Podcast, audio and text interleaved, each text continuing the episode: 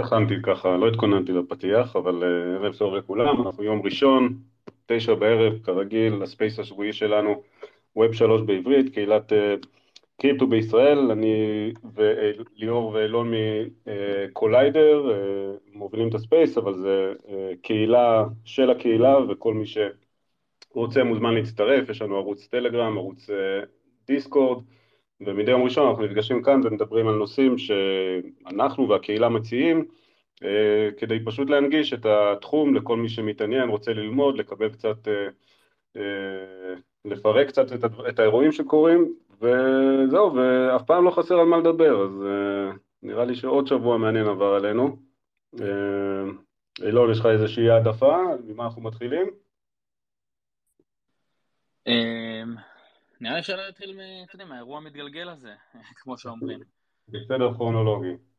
כן, אז, אז נראה, נראה לי שבאמת נתחיל וניתן תמונה ככה, כי מה שקורה פה באמת אה, בשבועות האחרונים, יש אירוע מתגלגל של אה, אה, ירידות בשווקים, שגוררות ירידות נוספות, שגוררות אירועים כמו הנזלות של הלוואות ומינופים, ודבר מוביל לדבר, ואנחנו בקצב מאוד מהיר רואים גם פרויקטים וגם חברות אה, קורסים ומן הסתם המחירים מושפעים בהתאם וזה סוג של גלגל שמזין את עצמו אז ננסה ככה לגעת אחד אחד ולהזכיר שבעצם הכל קורה תחת אה, איזושהי אה, אווירה כלכלית גלובלית ש... שבעצמה היא חריגה לכל שוק דובי או שוק ירידות בשווקי הקריפטו בעבר ככה שהאירוע גם הופך להיות יותר מורכב. אה, אז אני אנסה להיזכר, שבוע שעבר זה בעצם את לונה כבר כיסינו, נכון? כן, את לונה נראה לי כיסינו אפילו לפני שלושה שבועות זה היה, על בדיוק כן. מה קרה שם, אה, אבל מה שקרה מסתבר זה שהיה גלים, כאילו ידעו שיש גלים מאוד מאוד עמוקים לסיפור הזה של לונה, אבל כנראה שהם אפילו יותר עמוקים ממה שכולם חשבו. אה, אחד הדברים שנראה שקרו זה ש-Free Hour Capital, שזה אחד ה... אה, הם לא venture fund, ואני אולי אגע כאילו קצת בהבדלים, הם, אה, הם סוג של hedge fund, שזה בעצם קרן שסוחרת והיא, והיא open-ended, וה, והמשקיעים שלה יכולים למשוך את הכסף מתי שהם רוצים, למרות שספציפית במקרה של Free Hour Capital זה כסף רק של הפאונדרים. הם לא, לדעתי, כמעט ולא לקחו שום כסף מבחוץ. אמ, בוא נגיד בהשקעה, הם כן לקחו אה, ושאלו מכל מיני אה, מקומות. אבל כן, מסתמן שאחד הדברים שקרו זה שפרי ארו קפיטל שמו לא מעט כסף בתוך אנקור, אה, והם הפסידו שם גם לא מעט כסף. ואפילו יותר מזה יצא מין סדרה של ציוצים שאומרים שכל מיני פאונדרים של סטארט-אפים שפרי ארו קפיטל השקיעו בהם במין סוג של סגנון ונצ'ר, שהם השקיעו בעצם כסף אה, לפני שהמטבעות היו שכירים. אמ, וכן, והם השקיעו בהם, והם אמרו להם, אה, תביאו את הטרז'רי שלכם, ואנחנו ננהל לכם אותו, ואנחנו ניתן לכם 8% בשנה. והם עשו את זה עם הרבה מאוד uh, סטארט-אפים, וכנראה שהם שמו את הכסף הזה באנקור, אז יכול להיות שהם גם איבדו טרז'רי של הרבה סטארט-אפים שבעצם Free Hour Capital השקיעו בהם, שזה זה מאוד, זה כאילו יוצא דופן בצורה מאוד מאוד קיצונית, זה לא דברים שעושים וזה... כן, זה באמת אירוע מאוד מאוד קיצוני של התעשייה, אמ, ואז יש את העניין הזה, ומשערים גם שבנוסף יאור קפיטל הם היו אה, בהמון המון פוזיציות אה, עם leverage, זה אומר שהם הולכים בעצם לכל מיני אה, אנשים שנותנים קרדיט, והם שואלים מהם, ובעצם הם, כן, נכנסים ל... ל, ל בעצם לפקודות או לקניות שהן אה, אה, במינוף על כל, אה, כאילו על ביטקוין ואיתריום. אז ברגע שהמחיר של לצורך העניין של ביטקוין יורד, הם, רגע, רציתי להגיד משהו ליאור? סליחה. לא, לא, תסיים, אני זוכר. כן, אז כאילו, תחשבו שהם אומרים, אנחנו, לצורך העניין, אני אקח את הדוגמה הפשוטה של over collateralization, כמו שנגיד יש באבה, אני יכול לשים 1,500 דולר של ביטקוין ולקחת כנגד זה אמ, אה, אלף אה, דולר אה, של USDC, ואם המחיר של ביטקוין יורד מתחת למחיר ששמתי, הכמות ביטקוין ששמתי יורדת מתחת למחיר של 1,500 דולר, אז בעצם אני אקבל ליקווידציה, ומה שיקרה זה שהביטקוין הזה יילקח ויימכר במיידית, בעצם כשמישהו יעשה execution on-chain, אבל זה יימכר ל-USDC כדי לכסות את ההלוואה שלי.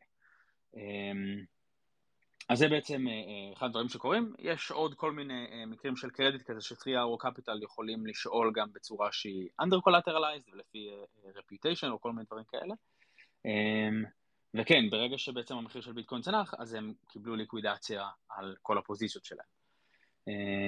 על הרבה מהפוזיציות שלהם, לא כולם. וזה... אז תחשבו שמה שתיארתי עכשיו, שאם ביטקוין יורד מעל, מתחת לאיזשהו מחיר, אז אוטומטית זה עושה מכירת market. זה מוכר את הביטקוין הזה בעצם במחיר market, ותורם עוד יותר לליקווידציות ולירידה במחיר, ולזה קוראים cascading liquidations. וכן, אני רגע אולי אעצור, כי נראה לי נכנסתי עמוק לאיזשהו משהו. לא, זה, זה מעולה, ואני חושב שזה חשוב באמת להבין את המנגנונים האלה, כי גם זה יעזור לנו להבין מה בעצם קורה פה, כי הרבה, כמו שתיארת, זה בעצם אירועים שהם מתגלגלים, אחד גורר, גורר לשני, ומה שנראה כמו איזשהו סוג של, טוב, קריפטו מת, הכל יורד למטה, הרבה זה גם כוח האנרציה של מה שקורה פה. עכשיו, דבר מוביל לדבר, והדברים האלה יוצרים חוסר ביטחון ופחד של המשקיעים, מה שגורר לעוד מכירות, והדבר מעצים את זה, ואנחנו נמצאים איפה שאנחנו נמצאים. אבל חשוב גם להבין את המנגנון וגם להבין את ההבדלים. בעצם באירוע הזה היו פה כמה מקרים, היה פעם אחת ליקווידציות און-צ'יין, שדברים כאלה ראינו באמת קורים. זה התחיל, זה התחיל בעצם מטרה, השוק קרס בעקבות הדבר הזה.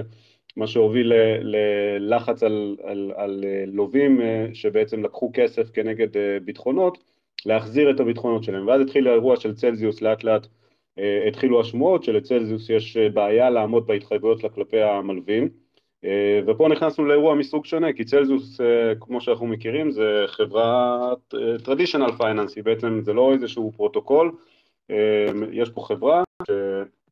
רגע, אני רוצה לראות שאני... אוקיי, יש פה חברה שבעצם אנשים מפקידים כסף ומסמיכים אותה על פי תנאי השימוש לעשות שימוש בו כדי לייצר להם תשואה ובאמת הם נתנו לאנשים תשואה מסוימת ולקחו את הכסף והפקידו אותו בדיפיי ועם מודל עסקי של לעשות יותר כסף בהשקעות יותר מסוכנות. ברגע שהשוק התחיל לרדת, אותן השקעות בעצם הפכו להיות בפוזיציות שמכריחות אותן to liquidate או לסגור את הפוזיציה ופה נכנסנו לאותו סייקל שאילון תיאר שמכירה היא מכירה, מכירת שוק והמחירים של הנכסים מתחילים לרדת, למשל ראינו במקרה הזה היה את, ה, את הנושא של staked ETH של ליידו שחווה איזשהו אירוע שלא קרה מאז שהוא התחיל שבעצם תמיד הוא נסחר ביחס של אחד לאחד אל מול האיתר ופתאום התחיל להיווצר איזשהו discount בגלל שנוצר אותו לחץ מכירה. נוכל אולי להרחיב על זה, אבל מה שאני רוצה לסיים בהסבר פה, שבעצם אנחנו נכנסנו לאירוע שבו יש חברה שיש לה סוג התחייבויות למשתמשים ויש לה נכסים שיושבים on-chain, אבל אין שקיפות מלאה לגבי כמה החברה ממונפת, כמה היא לוקחת הלוואות כנגד הכסף שהיא שמה ב-DeFi, והדבר הזה באמת הוביל לאירוע שהתגלגל, שבו צלזיוס הפסיקה את היכולת של האנשים למשוך, בגלל שהבינו שיש פה אירוע של בנקראן, כולם מפחדים שיאבדו את הכסף, מושכים, מה שגורם להם להיאלץ להמשיך למכור, מה שדוחף עוד יותר את המחירים כלפי מטה, ונוצר בעצם מצב שהחברה היא במצב של אינסולבנסי, היא לא יכולה לעמוד בפני ההתחייבויות שלה. עכשיו הדבר הזה הוא, קודם כל הוא כמובן הוא, הוא, הוא לא תקין, ו, אבל צריך לזכור גם שזה דבר שקרה גם בשווקים הפיננסיים המסורתיים. ואם אנחנו מסתכלים, ככה לסיים את הסיפור הזה, לסיים, מסתכלים על מה שקרה און-צ'יין, בעצם פרוטוקולים כמו Aave, Compound, שבהם אנשים לוקחים הלוואות כנגד ביטחונות, בעצם הפרוטוקולים האלה עבדו כמו שהם אה, אה, צופו, ולמעשה מה שאנחנו רואים, אם אני ככה מנסה לקחת את ה-bright side of things, שבעצם ראינו שנוצר פה שוק שחלקו בצד ה-traditional, קופסה שחורה שבאמת קשה לדעת מה מוביל למה, ותכף נדבר על ההשלכות בגל השני והשלישי, אל מול שוק פתוח, שוק שיושב על DeFi, שמצד אחד ספג באמת מכירות מאוד אגרסיביות וירידות מחירים, אבל הפרוטוקולים נשארו שלמים, זאת אומרת לא היה איזשהו default של פרוטוקול שבגלל התנהגות לא רצויה נאלץ לסגור את הבסטה, זאת אומרת היו כאלה, אנחנו נדבר על זה, כמו אירוע שקורה עכשיו, וגם זה דווקא אנקדוטה מעניינת, אבל אם אנחנו מסתכלים על הגדולים, Aave ו-Compound, שהם באמת מהחלוצים אה, בתחום ה-DeFi, באמת אנחנו רואים שזה סוג של אה, תעודת הצלחה למה שקורה פה. עכשיו, כן, גם MakerDAO דרך אגב. ו-Maker, נכון, אז באמת שלושת אלה הם סוג של הראשונים שקמו עם, אה, עם DeFi ובאמת הראו שהפרוטוקולים ברגע שהגיעו לקרבה לאזורי ה... שה, שההלוואות לא מכוסות, הם בעצם נוצרו ליקווידציות ובעצם אה, נסגרו הפוזיציות ואף, אה, ואף אחד לא נשאר בלי, בלי היכולת שלו לקבל את הכסף בחזרה. אה, אילן, אתה רוצה להוסיף? לקחת את זה לכיוון אחר, יש עוד הרבה דברים שאפשר להעמיק פה כמובן, אם מישהו מהקהל רוצה להוסיף או לשאול שאלות, אז חופשי להרים יד או לבקש לעלות. כן, אז אפשר גם לבקש לעלות כאן, גם לשאול בקבוצת טלגרם, ונשמח לענות. Um, אני חושב שמה שליאור ציין, כאילו אחד הדברים שליאור ציין והם מאוד מאוד חשובים זה להבין שכאילו everything worked as intended, כאילו לפחות בצד של, ה, uh, של ה-DeFi באמת, של אפשר לראות בדיוק on-chain באיזה מחיר יהיה ליקווידציות, um, ואפשר לראות בדיוק מה יקרה ולאן זה יוביל ו- ו- ומה ייעשה כשבוא נגיד שהמחיר יורד. Uh, מה שאי אפשר לראות זה um, זה בעצם מה קורה בתוך חברה ריכוזית כמו צלסיוס, אמ, או כל מיני אה, מקומות אחרים, או אופיר או קפיטל, שאתה לא יודע בדיוק לאן, אה, לא יודע, איפה. בעצם איפה הכסף הזה נמצא, מה הם עשו איתו, אה, ועוד כל מיני דברים כאלה. אמ, אז כן, אולי זה... לא... אולי להוסיף על הנקודה הזאת, שהצד השני של זה באמת הוא שפה אנחנו רואים איך לצורך העניין שוק ללא רגולציה באמת מאפשר מערב פרוע. עכשיו, כל, יש פה אנשים שיכולים לקחת את זה למקום, אה, אוקיי, שוק חופשי, מי שהתנהג ברשלנות אה, סופו, אה, או, או לא, לא עשה due diligence, או אם אתה לא מספיק כשיר להשקיע, אל תשקיע, אז יש כל מיני צדדים שיגידו, אני הולך לכיוון הזה, ויש שווקים, אנשים אחרים שיגידו, אוקיי, יש משקיעים פשוטים, אנשים שהם לא, לא מספיק מתוחכמים להבין את הסיכונים, וצריך לשמור עליהם מבחינת הרגולטור ולקבוע חוקים, ובאמת אנחנו עדים ששוק כרגע שהוא ללא רגולציה, אכן אה, ספג אה, תנודות מאוד קשות, הפסדים מאוד, מאוד אה, קשים, שאין פה שאלה בכלל שזה, שזה אירוע גם חריג, גם, גם קשה, וצריך מזה לקחת, ואין ספק שכתוצאה מכך, מן הסתם עכשיו העיניים גם של הרגולטורים וגם של, ה, של כל המדינות יהיו לראות איך, איך בעצם מונעים אירוע כזה שוב ויהיה עוד יותר אה, המשך אה, מאמצים ולחץ לייצר פה סביבה רגולטורית יותר אה, ברורה. כן, כאילו ברגע שאתה שם שכבה שהיא לא שקופה ואתה לא יודע מה קורה בתוכה, אז כאילו זה קצת נגד כל האתוס הזה של דיפיי, נכון? וכן, כאילו, כאילו מצד אחד אתה יכול להגיד כן צריך רגולציה, אבל מצד שני כאילו Aave Maker וכאילו כל הדברים שבאמת on-chain ו-decentralized, uh, worked as intended. Um, אז כן, אז זה זה. כן, עכשיו אני אוהב לקחת את זה, אולי זה קצת מוציא אותנו, אבל אני מסתכל על מה שקורה בכלכלת מקרו, אה, אנחנו יהיה לנו חלק על זה בחלק השני, אבל אני חושב מה, איך הדברים קורים בכלכלה, בעצם אירועים כאלה של ירידות מחירים בשווקי ההון, אנחנו רואים מניות שירדו, ואני חושב שאחד הדברים והכלים שבגלל זה אני גם אוהב את התחום הזה, שדרך הלמידה על שוק הקריפטו אנחנו לומדים על עקרונות בסיסיים של הכלכלה כמו שהיא מתנהלת כבר מאות ואלפי שנים. והדבר הזה גורם גם לפתוח עיניים ולהתחיל לשאול שאלות לגבי, רגע, מה בעצם קורה ב, ב, בכלכלה כרגע, כשאנחנו רואים באמת ירידות של 20-30 אחוז מהשיאים של השווקים בתקופה מאוד קצרה, ומה קורה מאחורי הקלעים במקומות שאנחנו לא רואים, ובעצם כל הכלכלה מתנהלת ביחסים כלכליים בין מדינות, בין חברות. ואני חושב שאחד הדברים שלפחות התזה שאני חושב כשאני רואה את הדברים האלה בהקשר של מה שדיברנו, כשהדברים קורים און צ'יין, הדברים קורים מאוד מהר, מאוד חלק, אבל גם מאוד ברור, ו, ובעצם מביאים לאיזשהו ניקוי של, ה, של המינופים האלה בצורה מאוד מהירה ו, וחדה. מצד שני, זה גם לא מאפשר הרבה זמן לצורך העניין לתגובה, כי הכל באמת פתוח. וגורם לי לשאול מה קורה בעצם בשווקים עכשיו, שאנחנו רואים ירידות כאלה, כמה אירועים כאלה של חברות שכבר לא יכולות לעמוד בהתחייבויות, כמה נכסים שהשווי שלהם ירד, אבל הם לא נזילים כמו נזל, נכסים שנסחרים און צ'יין, כמה אירועים כאלה יתגלגלו, רק זה ייקח לנו עכשיו חודשים, רבעונים ושנים כדי להבין את, את השלכות המשנה של זה. וזה נושא שאפשר לפתח, אבל אה, נשאיר אותו לאחר כך. כן. אמ, אז רוצה אולי נדבר על האירוע של סולנד אה, שקורה בעצם כרגע? אוקיי, יאללה, לך על זה. אז, אה, אז אה, בגדול Solend, שזה the largest, זה כאילו ה-lending market הכי גדול בסולנה, אמ, מה שקרה זה שיש whale, מישהו עם המון המון כסף, שנעל 170 מיליון דולר של סולנה, ולקח כנגדם בערך 110-108 USDC. עכשיו, בגלל כל הירידות אמ, שמה, של, שמה שקרה, אמ, זה היה, דרך אגב, זה היה 5.7 מיליון סולנה, כן? אה, רגע, ליאור, אתה רוצה להשתיק? כי זה כאילו קצת, אה, יש פידבק. אמ, וכן, מה שקרה ב... בוא נגיד ב-24 שעות האחרונות זה שהוא uh, בעצם מאוד מאוד קרוב לליקווידציה, כמובן ברגע שהמחיר, ש... לצורך העניין, הוא, הוא לקח 110 מיליון דולר. וככל שהמחיר של סולנה יתקרב, אה, שהוא שם ככל, ככל שהמחיר שהסולנה שהוא שם כבטוחה, הדבר הזה יתקרב ל-110 מיליון דולר, אז הוא בעצם יכול לקבל ליקווידציה. עכשיו, כמו שאמרנו, ליקווידציה זה אומר למכור את כל הדבר הזה ב-market. עכשיו, למכור 110 מיליון דולר של סולנה ב-market, זה אומר לרסק לחלוטין את הרשת. אמ, אין מספיק, לדעתי אפילו אין מספיק נזילות בשביל הדבר הזה.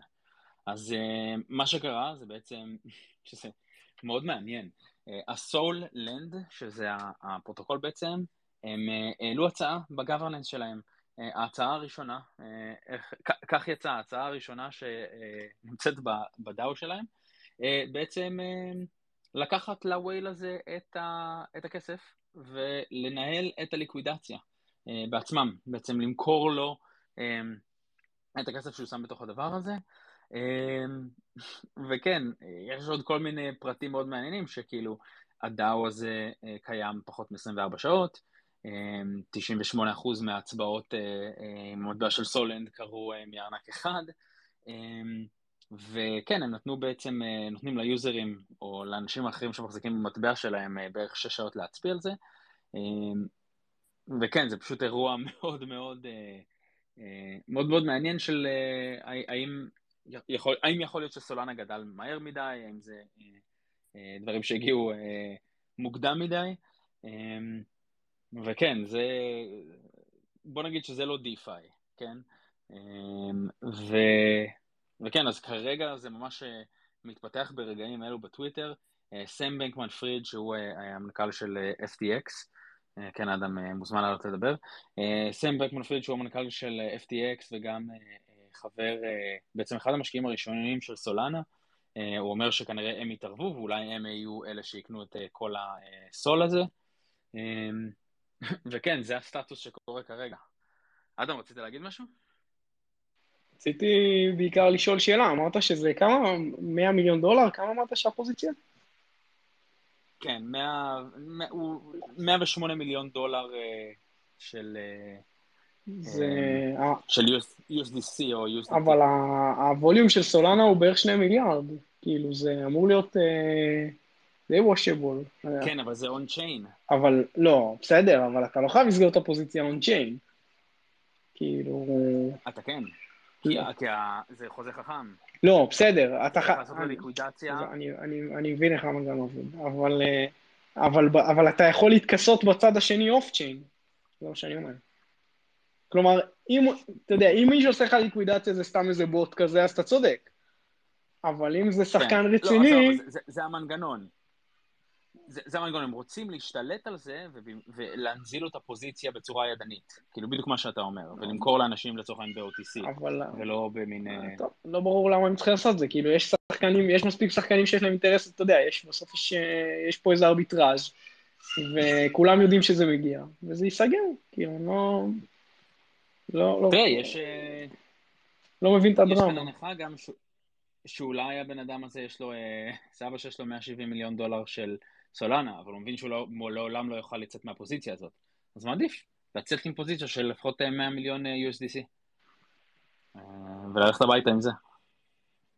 זה גם אופציה. שוב, למרות שגודל ה...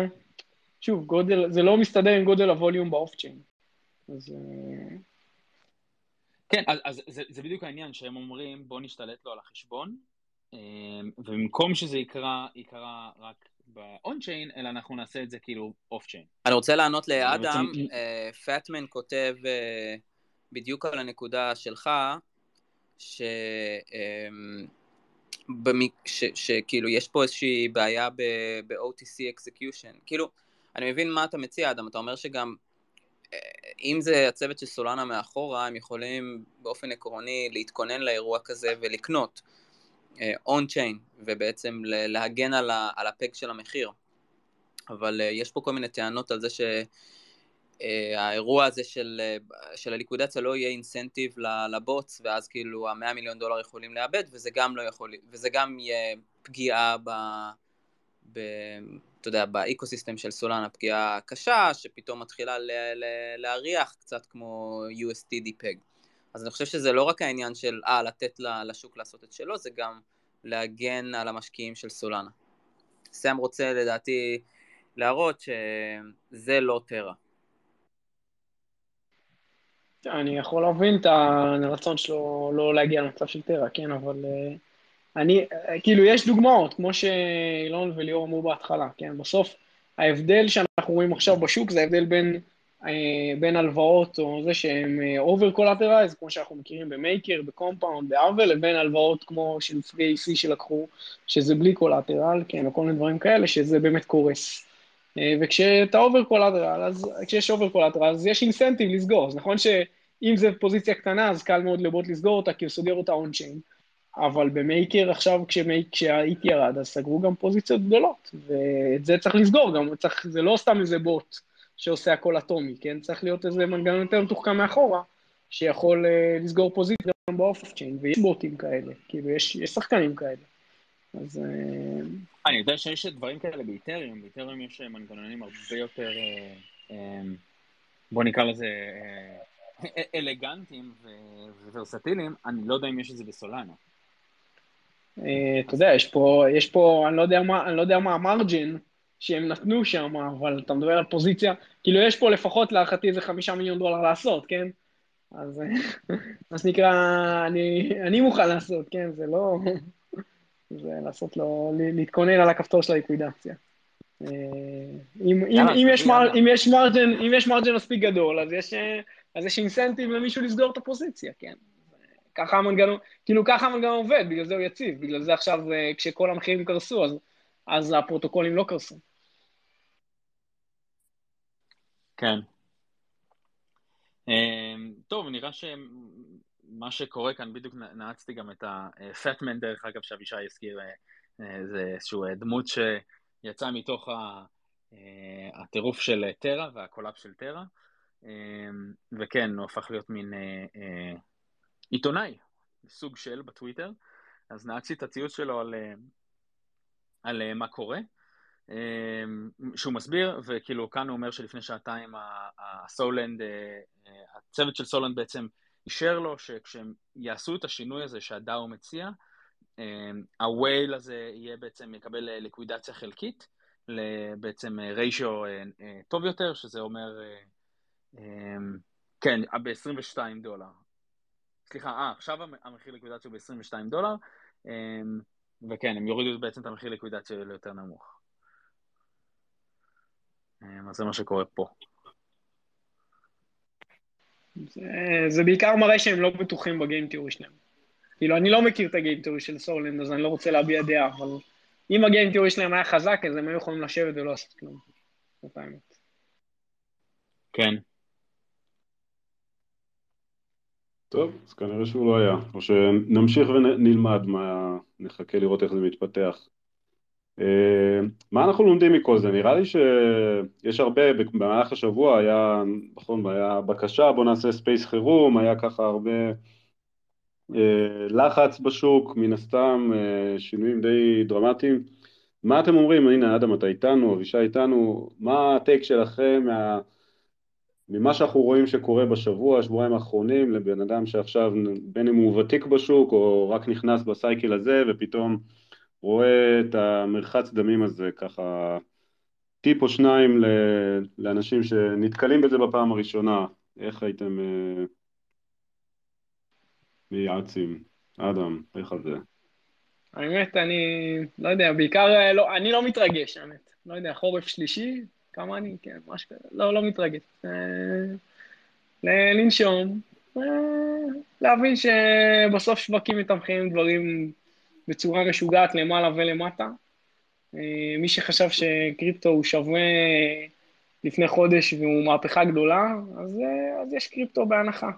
לחכות עוד קצת ואולי לקנות, אבל בעיקר, בעיקר להירגע, כן? זה לא, לא עוזר הפאניקה, ו...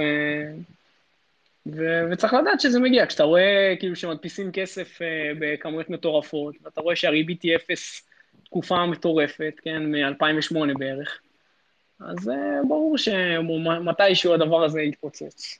זה בסדר. כן, אנשים... כמו בצד... כן, לך על זה. אני אומר, אנשים, אה, כשהריבית אפס, והיה לך לשאול כסף היא אפס, אז אנשים רק אה, ישאלו כסף כדי לנסות להביא דברים שהם יותר ויותר ריסקים. אמ, ו... וכן, אני חושב שכאילו בקריפטו זה, קודם כל ברור שזה מין אה, סוג של אסט קלאס שהוא אה, מאוד מסוכן ומין כאילו אפילו leverage על ה... אמ, על, לא יודע, על ה-S&P 500 או על, בעצם על מניות טכנולוגיה כאלה ואחרות.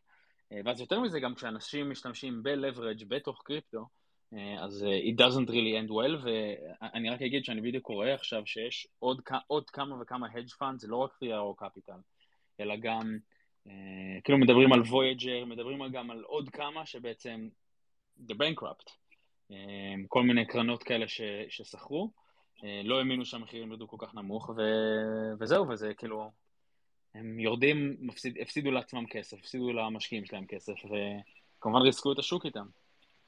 השותף שלי, השותף שלי לחברה, רוברטו, שהוא ותיק ממני ואיש עסקים מאוד מנוסה, הוא אומר שכשהמים יורדים רואים מי שוחה בלי תחתונים. וזה מה שאתה רואה עכשיו.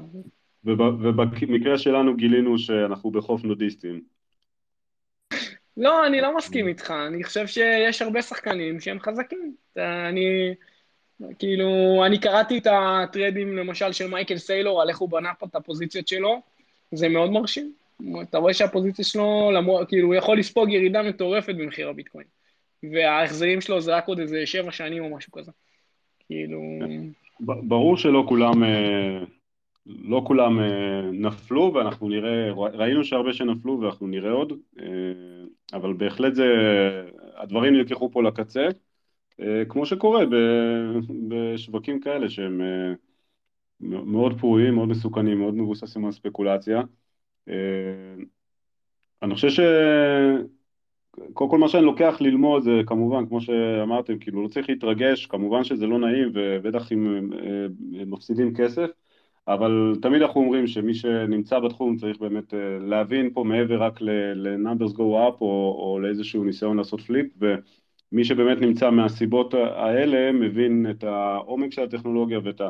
שינוי שהטכנולוגיה הזאת מייצרת בחיים שלנו, ואני חושב שאנחנו רואים מסייקל לסייקל הרבה יותר uh, עמידות של השוק. אמנם המחירים נחתכים בצורה דרמטית, אבל אנחנו רואים פה פרוטוקולים שעובדים וממשיכים ומשתמשים בהם ומבצעים את העבודה שלהם, כמו שדיברנו בהתחלה, וזה מה שאמור להנחות אותנו קדימה. אני חושב שזה היכולת להביט ולראות ככה מעבר לצ'ארטים ולמחירים.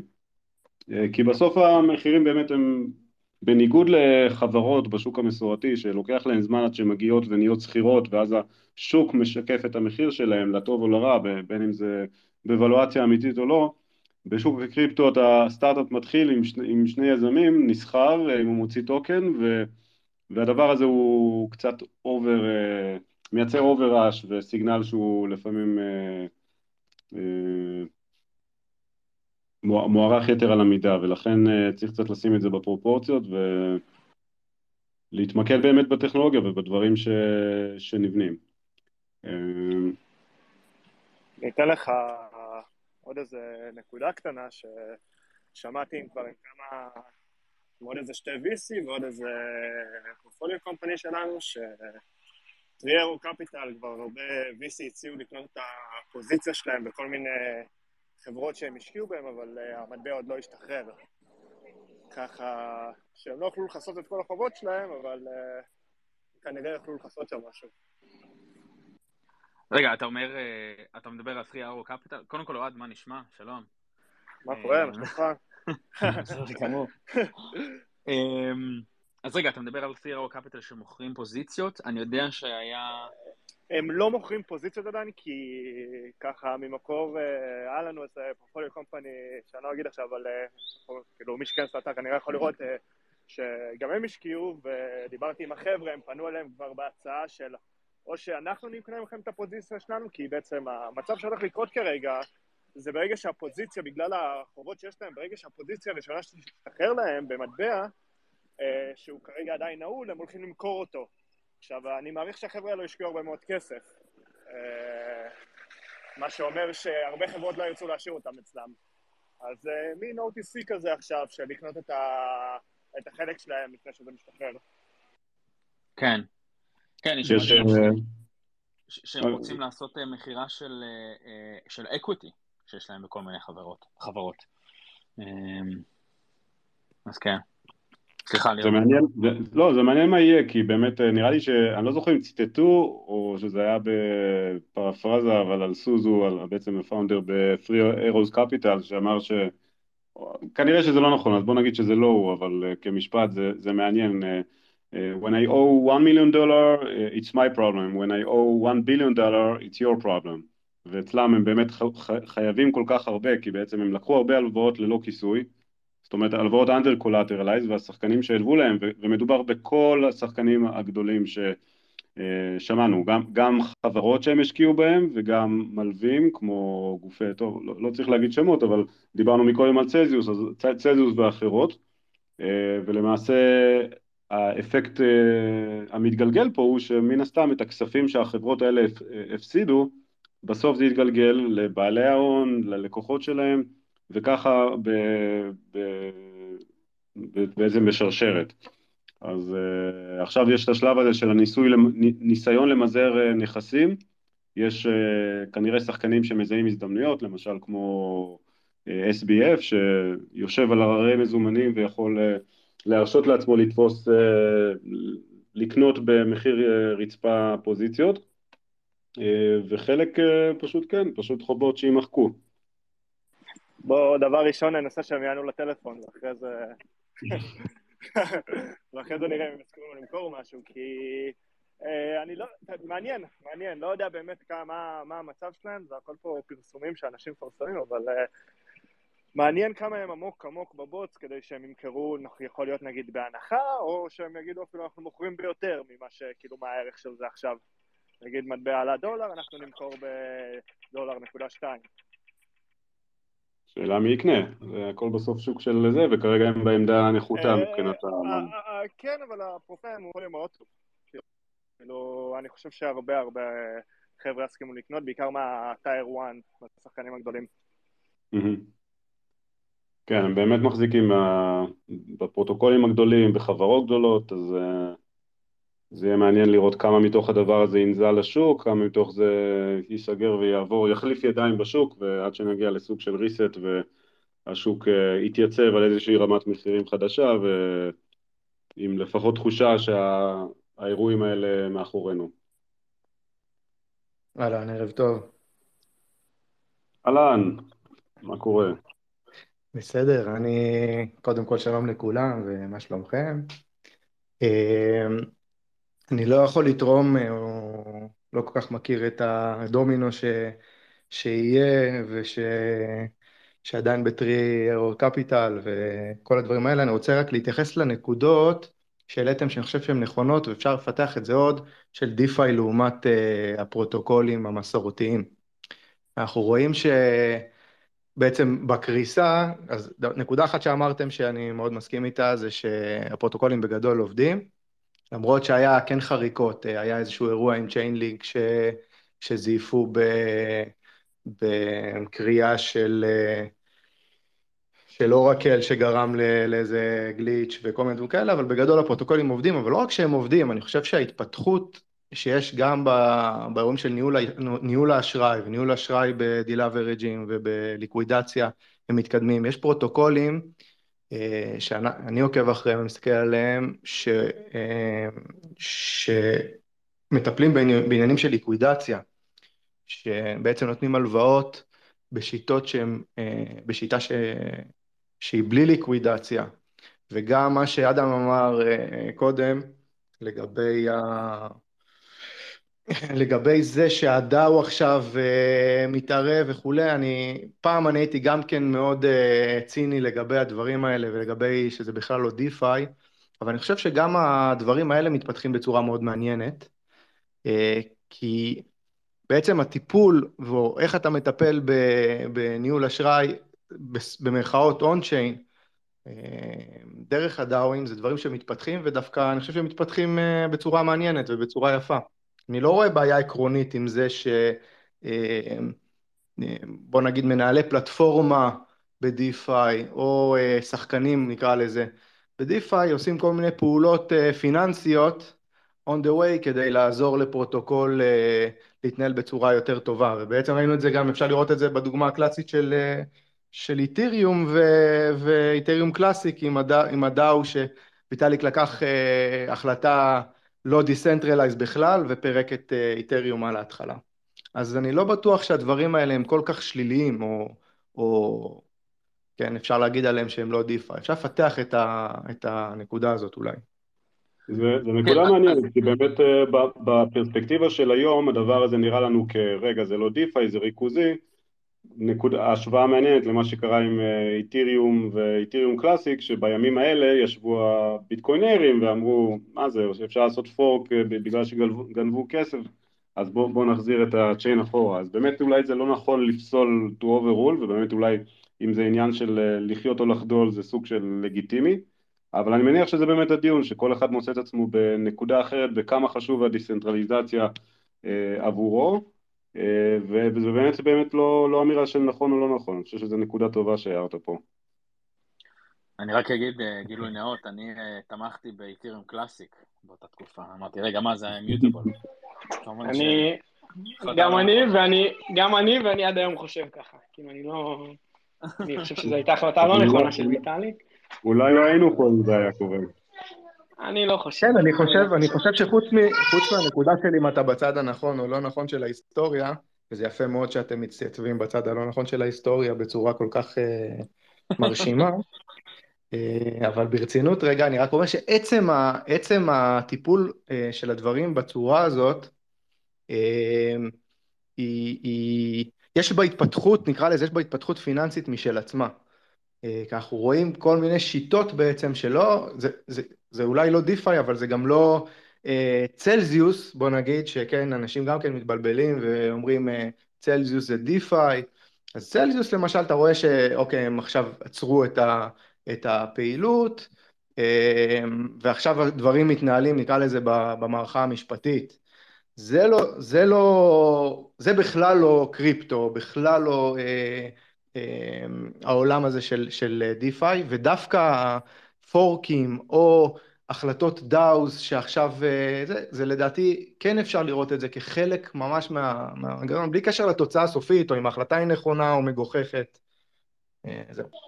לא, דווקא בהקשר הזה אני מסכים איתך, אני לא חושב שזה לא הופך את זה ללא דיפה, אני חושב שזה עניין לגיטימי, דווקא אני חושב שזו החלטה אפילו יותר לגיטימית מה fork באיתיריום, כי ה fork באיתיריום הוא עשה fork לכל ה chain בגלל באג לוקאלי של app, ופה מדובר על מקרה ספציפי של ה... של הפרוטוקול, אז זה יכול להיות מאוד סביר. הטיעון שלי היה הפוך, הטיעון שלי לא היה אמר אם מה שעשו טוב או לא טוב. הוא, הוא אמר שזה מעיד על זה שהם חושבים שה, שה game theory שלהם לא טוב, זה הכל. זה לא... אם, אם ה game theory שלהם לא טוב, אז אני בהחלט תומך בזה שהם יחלצו את, ה... את האנשים, כן. זה שאלה... מתחבר מבחינתי גם ל... סליחה. לא, לא, תמשיך, תמשיך, אני אשאל אחרי זה. אני אומר, זה מתחבר, נגיד, אחד מהדברים שדווקא אה, דיברתי על זה ב space מקביל, אה, אבל למשל אם רואים את UST ולונה וכל הסאגה שם, שם לא ראית אה, התערבות שחבל, או בוא נגיד לפחות מבחינת היכולת התיאורטית שלה למנוע חלק מהקריסה, אמ, לדעתי הקפאה, אה, עצירה של הרשת בשלב יותר מוקדם וכולי, הייתה יכולה למנוע חלק מה, מהקטסטרופה המהירה ש, שהייתה שם. אז אני דווקא חושב שמנגנונים שישפרו את העניין הזה ויפתחו אותו, זאת אומרת, זה שהדאו בנוי מבן אדם אחד שקם לפני 24 שעות, אז אוקיי, כנראה שזה לא באמת דאו ולא באמת אה, כלי שמתוכנן, אבל דווקא כלים פיננסיים שמתוכננים כדי שיהיה איזושהי ועדה מוניטרית במרכאות, או הרבה דברים ש, שיש להם הרבה מקום להתפתח ו, ו, ולשפר את המנגנונים האלה, כי בסוף כל קרדיט הוא קרדיט ש, אה, שיכול להוביל ל, ל, או ליקווידציה או או קריסות כאלה ואחרות, או קיפולים כאלה ואחרים. אגב, גם פרוטוקולים שהם עד היום היו יציבים, כמו קומפאונד ואווה וכולי, אז גם הם תיאורטית אפשר לראות אה, מקרים שמטבעות מסוימים ב collateral, אה, אה, בטח בתיאוריה, מגיעים לאפס ואנשים נשארים לא, לא מכוסים. ואני חושב שכאילו אחד הדברים שאנחנו רואים זה אנחנו ממש עוד לא שם מבחינת governance, גם ביכולת של פרוטוקול להגיב במהירות, גם ביכולת בכלל לנהל אה, תהליכים, למשל האירוע שאילון דיבר עליו שקורה בסולנה, העלו הצבעה לשש שעות. טוב, לא טוב, כמובן יש פה urgency מצד אחד, מצד שני איזה, איזה הזדמנות יש לבן אדם להגיב אם הוא נמצא, ואני חושב שזה לגמרי מעיד על כמה מוקדם אנחנו נמצאים בתעשייה הזאת, זאת אומרת, כל הצמיחה המהירה שקרתה, אה, היא חלק מזה שעדיין אין פה מנגנונים של אה, איזונים ובלמים ודברים שמאזנים דברים שצומחים בצורה מהירה מדי או לא, לא ססטיינבילית וזה רק מעיד, כאילו בסוף צורות ממשל של חברות לצורך העניין, אם ניקח כאילו את המקביל של דאוז, התפתחו לאורך אה, מאות שנים, גם השיטות, גם המנגנונים של איזונים בלמים, גם כשמדברים על ממשל בהקשר הממשל של מדינות, על דמוקרטיה ודמוקרטיה ייצוגית, הדברים האלה לוקחים הרבה זמן ואנחנו פה, לא יודע מה, יש לנו פה שנתיים של ממשל און צ'יין, זה כלום, ולכן אנחנו גם מבינים כמה התחום עוד לא בשל, לטוב ולרע, וזה שם הרבה פוטנציאל למי שמחפש להיכנס ולעזור לפתור חלק מהבעיות האלה, לבוא וליישם מהבעיות שגילינו שקרו פה, איך אפשר לשפר את זה.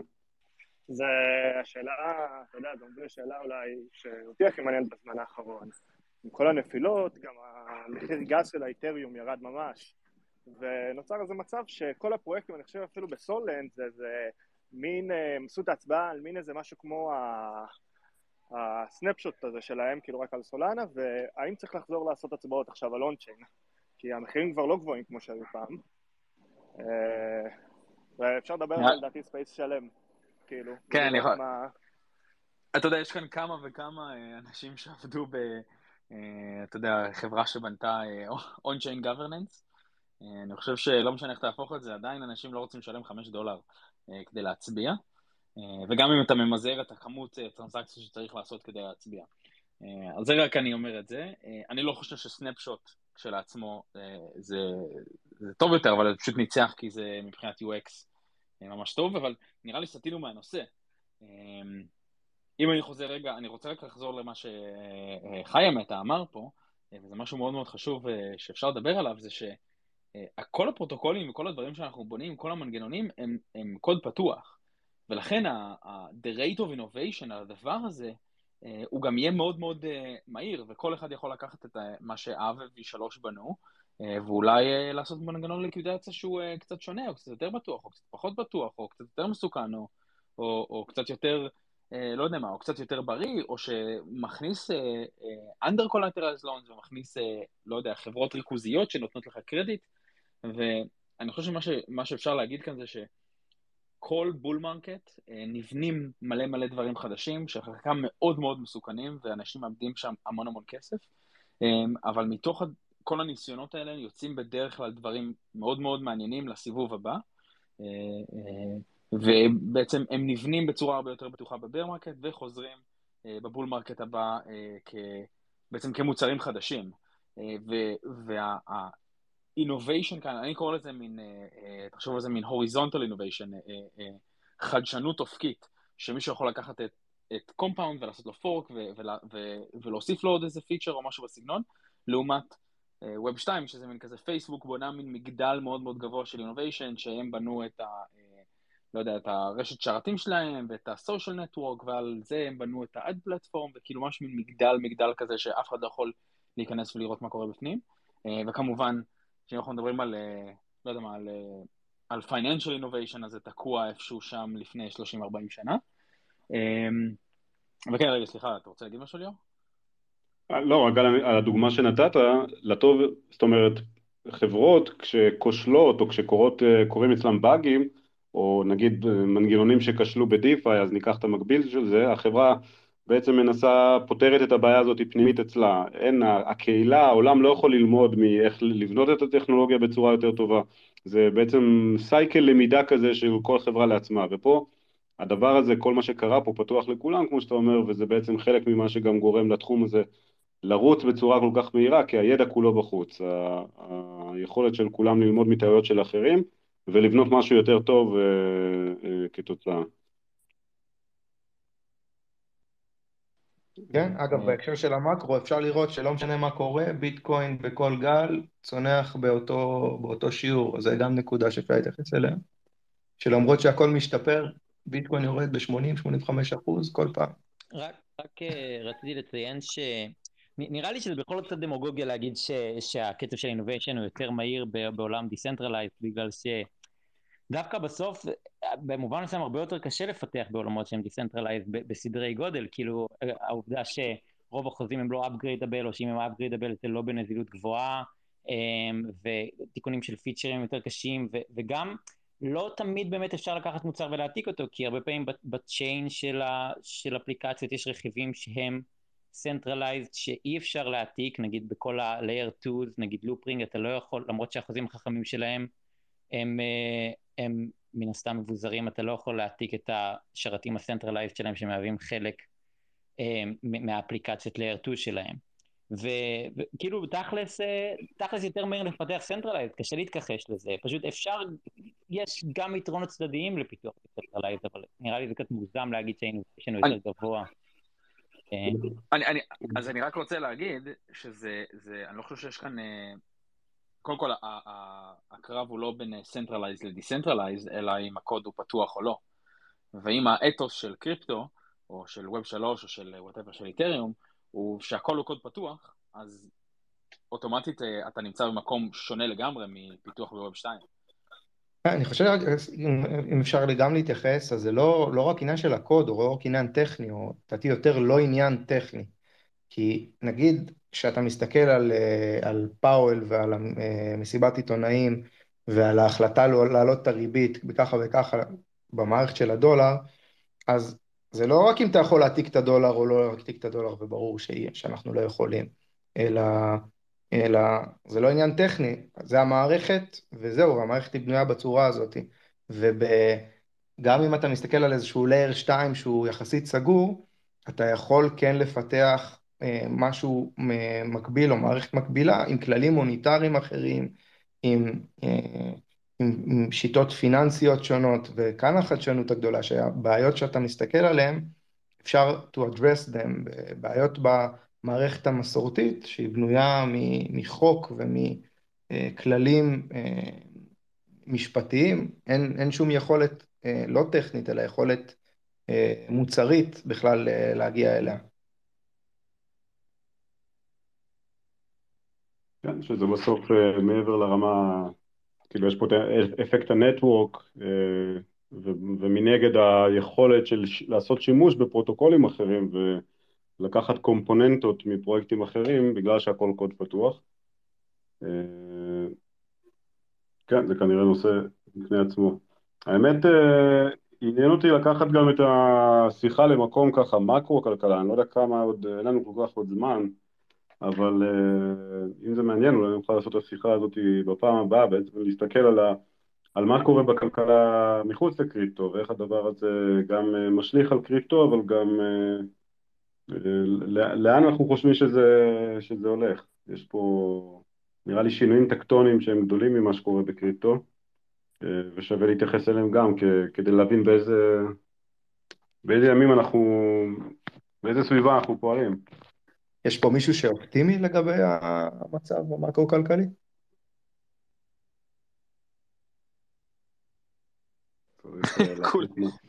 כולם בשקט. מישהו מהקהל? אופטימי זו מילה גדולה, אני יודע מה. נראה לי שיש קונצנזוס, שיהיה רע לפני שיהיה יותר טוב. רק דבר אחד שאני אולי כן אופטימי לגביו, או אני לא יודע אם לקרוא לזה אופטימי זה נכון, אני שם איזושהי הבחנה ש... שמשום מה לא הבחנתי בה קודם, אה, שהדברים נופלים לפי הרמת סיכון, גם מבחינה כרונולוגית. ואפילו ראינו בתוך קריפטו, שנגיד דיפיי נפל לפני, אה, אה, הנפילות התחילו קצת לפני ביטקוין ולאר 1 אחרים, ורואים את זה בטח בכלכלה המסורתית, שהנסדק נופל קודם, ואחרי זה הדאו ג'ונס וה-S&P, ואחרי זה הנדל"ן שעוד בכלל לא התחיל ליפול כמעט, אפילו לא בארצות הברית, אז ככה... כל עניין של נזילות, לא? כן, גם נזילות, גם, גם, גם כמה נכס מסוכן, כי עדיין אנשים אה, נשארים אופטימיים. זאת אומרת, אה, אומרים, אוקיי, אז, ה, אז הביטקוין הזה קרס, אבל אה, הבית שלי, המחירים רק עולים. אתה עדיין שומע אנשים, נגיד, אתה עדיין היום יכול לשמוע אנשים שאומרים, מחירי הנדל"ן אף פעם לא ירדו. אני כמובן לא חושב ככה, אבל אתה יכול לשמוע אנשים כאלה. כן, אז, אז אני רק רוצה להגיד, כאילו, אם אנחנו מדברים שנייה, טיפ טיפה על מקרו, וחבל שעידן לא כאן, כי עידן מאוד אוהב לדבר על זה ש... כל ניסיון ניתוח אה, מקרו הוא, אה, שטו, הוא קשקוש, והוא אה, זה שלמד את זה ורצה לעשות גם איזשהו תזה בנושא. אמ, אבל אמ, אני חושב שאנחנו מגיעים עכשיו, כאילו ב-2022, 2023 כנראה, אמ, למין מצב כזה שהיה משבר, עוד לפני, בוא נגיד היה משבר בדוט קום, ואחר כך היה משבר ב-2008, ואחר כך היה משבר בקורונה, וכל פעם, במקום לתת למשבר אה, לעשות הרס, שהוא אה, הוא הרס לא קטן, אבל הרס של הדברים שבעצם, אה, אה, בוא נגיד, התנפחו בצורה אה, מסיבית, אז במקום שזה יקרה... הרס יצירתי קוראים לזה בכלכלה. הרס יצירתי. אה, אז, אה, אז בעצם הדפיסו כסף, והחליטו להפוך את, את הכל לעניין פוליטי, של אה, יש אנשים מאוד חזקים שם, עתידים להפסיד מלא כסף, אז הם יזכרו הרבה לוביסטים שיוודאו שיצילו את החברות שלהם, וזה יצר פשוט עיוות מטורף בשוק, ושוב ושוב ושוב. אה, ועכשיו אנחנו, כנראה בגלל עכשיו שההבנה הזאת שאי אפשר להדפיס יותר כסף, כי אנחנו נכנסים לאינפלציה מטורפת, אז בעצם כל המשברים האלה שלא טיפלנו בהם, אני לא יודע, יש, יש כאלה שיגידו שזה אה, כל אה, מה שקרה מ-1971, מאז שירדנו מתקן הזהב. אה, אז כל המשברים האלה מתנקזים לעכשיו לסוג אה, של התחלה של מין אינפלציה או hyper inflation לתוך, של הדולר. אה, וכן, האם אה, זה מה שאנחנו רואים? לא יודע, והאם אה, ביטקוין או קריפטו או כל מה שאנחנו עושים כאן יהווה איזשהו, אה, אה, לא יודע, כיוון אחר, איזה נרטיב שונה מהדבר הזה, אני גם לא יודע. אני חושב שזה, that was the original promise, אז אה, בואו נראה אם זה באמת יקרה. כן, אני חושב שחשוב גם החיבור הזה, ל... כאילו עבורי לפחות, כשאני נכנסתי לקריפטו, זה לא היה דיפיי, לא היה ווב שלוש, הנרטיב הזה לא היה קיים. אבל כן, מה שהתחיל את כל התחום הזה, ביטקוין כן דיבר על אה, איזושהי, מה שבור במערכת המוניטרית כמו שהיא היום, ואיך ביטקוין מתקן. עכשיו, אפשר להתווכח, כן מתקן, לא מתקן, ומה שכן אה, אני חושב שאנחנו יודעים, שממשבר למשבר, הכלים שנשארים בידי קובעי המדיניות הולכים ומצטמצמים, וכמו שאמרת, ממשבר למשבר הדפיסו כסף כפתרון שבאמת אפשר אה, להחזיק את הראש מעל המים. ואנחנו נמצאים היום באיזשהו מקום שהבנקים המרכזיים, כל, כל, דרך אגב, כל בנק מרכזי, יפן, אירופאי, ארצות הברית, כל אחד באיזושהי, באיזשהו מלכוד 22 משלו, ומוסיפים לכל זה את המצב הגיאופוליטי, רוסיה, סין, ארה"ב, ו, ו, ויש איזושהי תחושה שהדברים נמצאים במקום שהוא, לאף אחד אין ממש פתרון איך יוצאים מזה, וכרגע עוד אני שם בצד איך, זה, איך קריפטו פותר את הבעיה הזאת, אבל אני חושב ש... וגם אתה אילון מדבר הרבה על, ה, על הדבר הזה שבסוף לטכנולוגיות חדשות ובכלל לחדשנות, אה, מתפנה המקום כשיש שינויים טקטונים שבעצם מייצרים איזושהי מוכנות, מוכנות של השוק, מוכנות של החברה לקבל איזשהו שינוי מספיק גדול, אה, ואולי אנחנו נמצאים בעידן כזה, אבל אני חושב שזה גם, אה, כמו שגם אמרת, מאוד מוקדם ומתיימר יהיה להגיד שזה קורה בשנה הקרובה, בחמש שנים הקרובות, או גם לא בעשרים שנה הקרובות. אף אחד לא יודע כמה... טריקים עוד יכולים, אה, או כמה כלים אה, יש למדינות אה, בשרוול כדי להתמודד, אבל אנחנו כן, כן יודעים להגיד שאנחנו נמצאים היום בסביבה שבעצם ב, אנחנו נמצאים כבר כמה, עשרים ומשהו שנה בסביבה של עליות בלבד, במדיניות כלכלית שעובדת כל עוד המחירים ממשיכים לעלות, כי בעצם ברגע של הרחבה כמותית, הורדת ריביות, בעצם זה בנוי על כך שהריביות נמוכות, תשלומי החוב נמוכים, אה, יש אפשרות לממן את המחזור של החוב על ידי הדפסת חוב חדש, ואנחנו נמצאים עכשיו באיזשהו מצב שמנגד יש חוב מאוד גדול, ארה"ב, אם אה, ראינו איזה 130 אחוז אה, יחס חוב תוצר הברית, אנחנו רואים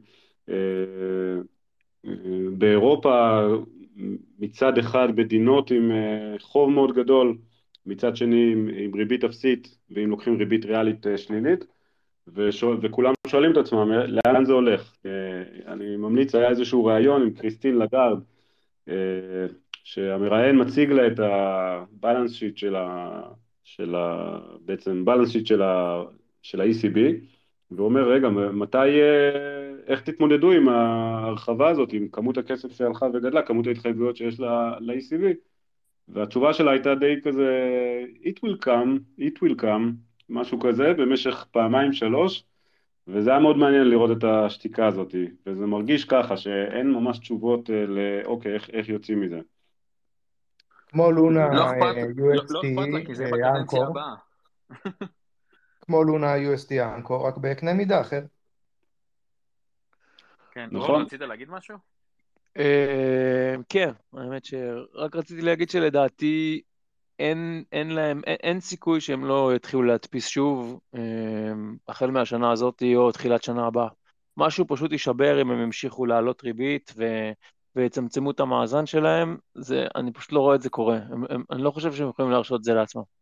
אני חושב שהם ימשיכו להדפיס ואנחנו נראה הדפסות יותר, אה, יותר נרחבות מפעם קודמת, עוד מלפני שנתיים. כן. כן, מי שרוצה להסתכל, אני... יש אה, גרף של, אה, של הריפו רזרב.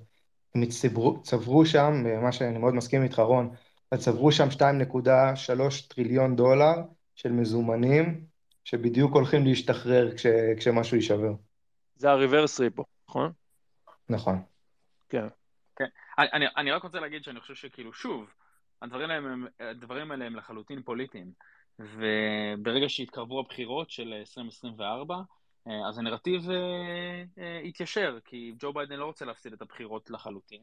ואתם יודעים, the American voter is not gonna vote for למי שבוא נגיד אונס אותו כלכלית. ומה שיקרה זה שהנרטיב ישתנה מה... אתם יודעים, the Federal Reserve must tackle inflation, to uh, the Fed uh, should ease uh, financial conditions, so the American jobs can be created and the American person can uh, buy things, והכל יקרה לקראת, uh, לדעתי לקראת uh, סוף, uh, אולי אמצע 2023 כזה. נדמה לי, אילון, שהיה לך פוסט על זה לפני כמה שבועות, שגם הסכמתי איתך. הם, הם, ביידן בכלל, אם, אם ניכנס לפוליטיקה, הוא בכלל מסונדל, כי האמריקאים שונאים גם אינפלציה וגם שהבורסה יורדת, כי ה-401k יורד יחד איתה. אז הוא בכלל אה, מסונדל שם מכל כיוון, אה, אולי ישלחו עוד צ'קים, זה יכול לעזור ל-approval רייטינג.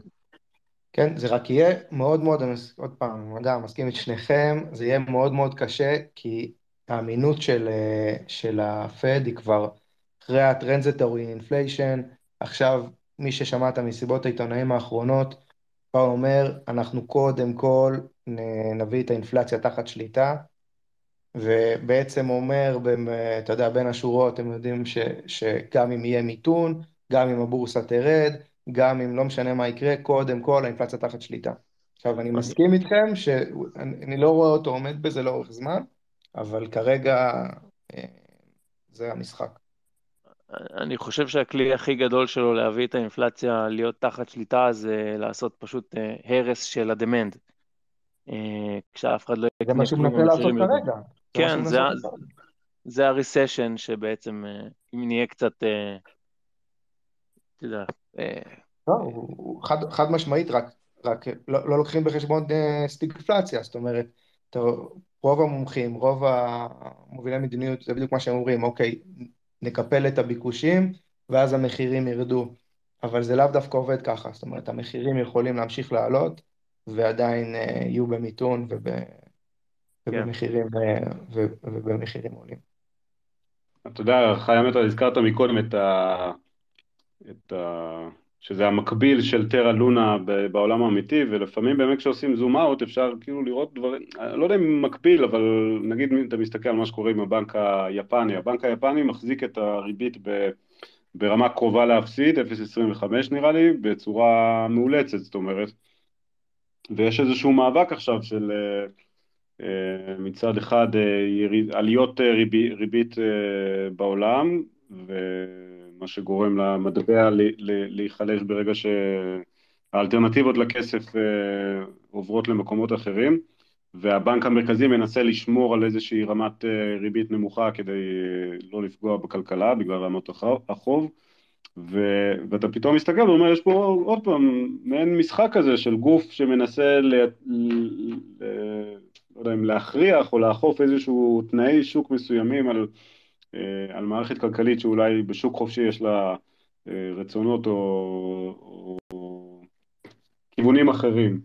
לא, אה, אבל את זה, זה, זה אנחנו למדנו שזה לא עובד, נכון? למדנו את זה בטרה ולמדנו את זה לפני כן, סורס הראה את זה לבנק הבריטי עם הפאונד. זה פשוט לא... בדיוק. זה לא sustainable. רגע, רגע.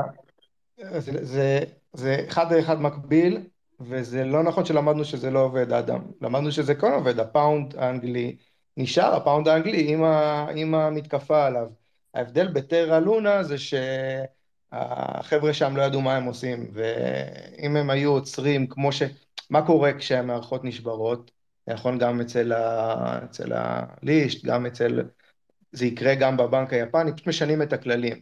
בא, יש מסיבת עיתונאים, יוצא הנגיד ואומר מעכשיו כבר אנחנו לא מצמידים לזהב, או מעכשיו זה לא שקל, זה שקל חדש, או מעכשיו מה שהבטחנו 0.25 זה כבר 1, או מעכשיו אנחנו כבר לא מרחיבים, מצמצמים כמותית, אנחנו מרחיבים, מעכשיו הכללים שונים. ואת זה לא ראינו בהיתר אלונה, אבל, אבל מבחינת המבנה הפיננסי, זה אותם מבנים פיננסיים אחד לאחד.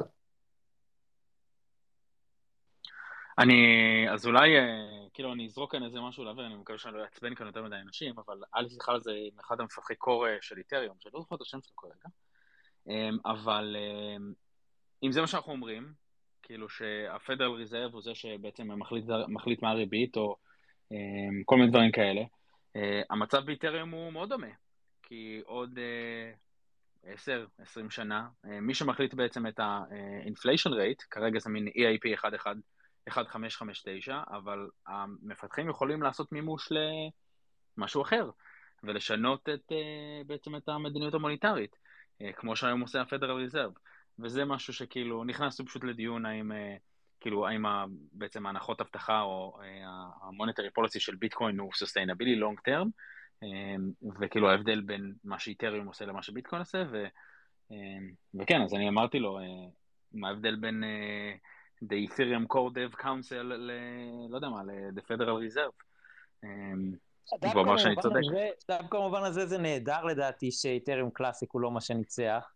בדיוק תזכורת היסטורית כזאת, כמה שעם כל הדיסנטרליזציה הטכנולוגית, בסוף פוליטיקה היא כלי כאילו יותר חזק מהכל, ושאין כל כך אלטרנטיבה קונקרטית לאיתריום פונדיישן, למרות שדברים יכולים להשתנות, אבל באמת זה כרגע ככה. כן, לא, אולי גם מעניין אם איתיריום גם יתפתח מבחינת governance, אם, אם זה, כאילו היום באמת זה בעצם ביד, בידיהם של המיינרים. ה-on-chain governance בחיים לא יקרה, לא, זה גם לא בידם של המיינרים, כן? לא.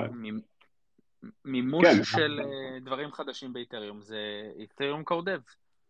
כן, אבל זה נמצא באיזשהו מאזן בין המיינרים למפתחים, כי הם צריכים להגיע לאיזה קונצנזוס כדי שהרשת תעבוד. לא, זה לא כמו בביטקוין, זה לא, באיתריום אין, יש אפס און-צ'יין governance. זה, מה שאתה אומר זה נכון לביטקוין, שהמיינרים צריכים לעשות סיגנל על זה שהם הולכים לשדרג גרסה, באיתריום זה לא כזה, באיתריום יש hard forking ו... וכן. אוקיי, אני מתייחס כאילו ל-proof אוקיי, okay. נתייחס כאילו ל-proof of work, אני לא הכרתי את ההבדל בין איתיריום לביטקוין, אבל נגיד ב-proof of work אז סוג של, יש איזשהו מאזן כוחות בין המפתחים לבין המיינרים שצריכים להיות בסוף aligned, כי אחרת באמת יש פורק של, של הרשת. באיתיריום במעבר ל-proof of stake, אז כמו שאתה אומר זה המפתחים. השאלה אם גם פה אין פה איזשהו איזונים ובלמים בין המפתחים לבין הקהילה, האקו-סיסטם, שיכולים לייצר איזשהו סיגנל של חבר'ה, זה, זה לא שינוי שאנחנו... שאנחנו רוצים לראות. אה, איך, איך התהליכים האלה קורים? היה פעם מלא דיונים כאלה, מלא סקרים בטו, בטוויטר על, אה, על AP 1559. אדם, אני משער שאתה זוכר את זה, שגם מרטין קופלמן מגנוסיס מאוד מאוד התנגד לדבר הזה. אמ, אז כן, היה כל מיני מהדברים מעניינים של ניסו לעשות כל מיני קוין ווטינג אה, וסקרים בטלגרם, סליחה, סקרים בטוויטר וסקרים ב... ולא יודע, אבל זו הייתה תקופה מעניינת. כן, אני חושב שזה סקאלה, זאת אומרת, ברור שביטקוין הרבה יותר אה, מבוזר מאיתיריום. עם זאת, לי ברור לפחות שגם בביטקוין הכללים המוניטריים יכולים להשתנות, ואפילו יש סיכוי טוב שהם ישתנו בעתיד הרחוק, כי למשל יש את הבעיה הלא פתורה עדיין של אה, האם עמלות אה, יספיקו לקריאה אחרי שיגמרו המטבעות. ועוד כהנה וכהנה על layer 2 ועוד, כאילו לייטנינג נטוורק ועוד כל מיני בעיות שצריכות אה, governance. ברור שהחלטות מתקבלות יותר אה, מבוזר בביטקוין מאשר מאיתיריום, ובאיתיריום יותר מבוזר מאשר.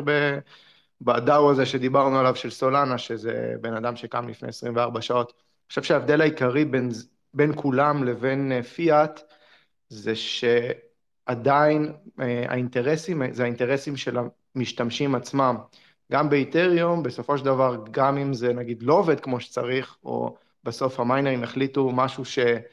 או ויטאליק החליט משהו שרוב המשתמשים לא רוצים, אז הם אה, עשו פורק לאיתריום, ו... וזה יהיה איתריום החדש. ופה הכוח העיקרי של קריפטו, זה שזה המשתמשים קובעים לעצמם את החוקים. זה מבחינתי ווב שלוש בכלל, שהמשתמשים קובעים לעצמם את החוקים, ולא מערכת שכופה עליהם את החוקים. טוב, אז אני חושב שכאילו ככה לקראת סיום עשינו כיסוי ומעבר לנושאים רחבים, אולי באמת יהיה שווה לראות בקבוצה אם אנחנו רוצים להרחיב בכיוון הזה של קונצנזוס בין אה, אה, מפתחים, קוראים וקהילה, אה, או את נושא המקרו-כלכלה, בכל מקרה כבר נהיה מאוחר אז כנראה שנשאיר את זה לפעם הבאה. אז ככה לסיכום אני רוצה להגיד תודה קודם כל לכל מי שהצטרף והקשיב, לכל מי שדיבר. Uh, כמו שאמרנו בהתחלה, זה בעצם weekly אה, שבועי, כל יום ראשון בתשע, אבל בין לבין אנחנו נמצאים בטלגרם, בקבוצת ווב שלוש בעברית, שאילון uh, צירף את הלינק בהתחלה, אתם יכולים להיכנס, ובדיסקורד, שגם שם אפשר להגיע דרך הלינק בטלגרם. Uh, ואנחנו שמחים תמיד שאנשים חדשים מצטרפים, לשאול שאלות, uh, להתעניין, uh, להגיד מה מעניין אתכם לשמוע. המטרה של כל הספייסס האלה הם education, לייצר פה קהילה שמתעניינת, משתפת, וככה כולנו מחכימים ולומדים מכל שיחה כזאתי. אז שוב, תודה רבה לכולם.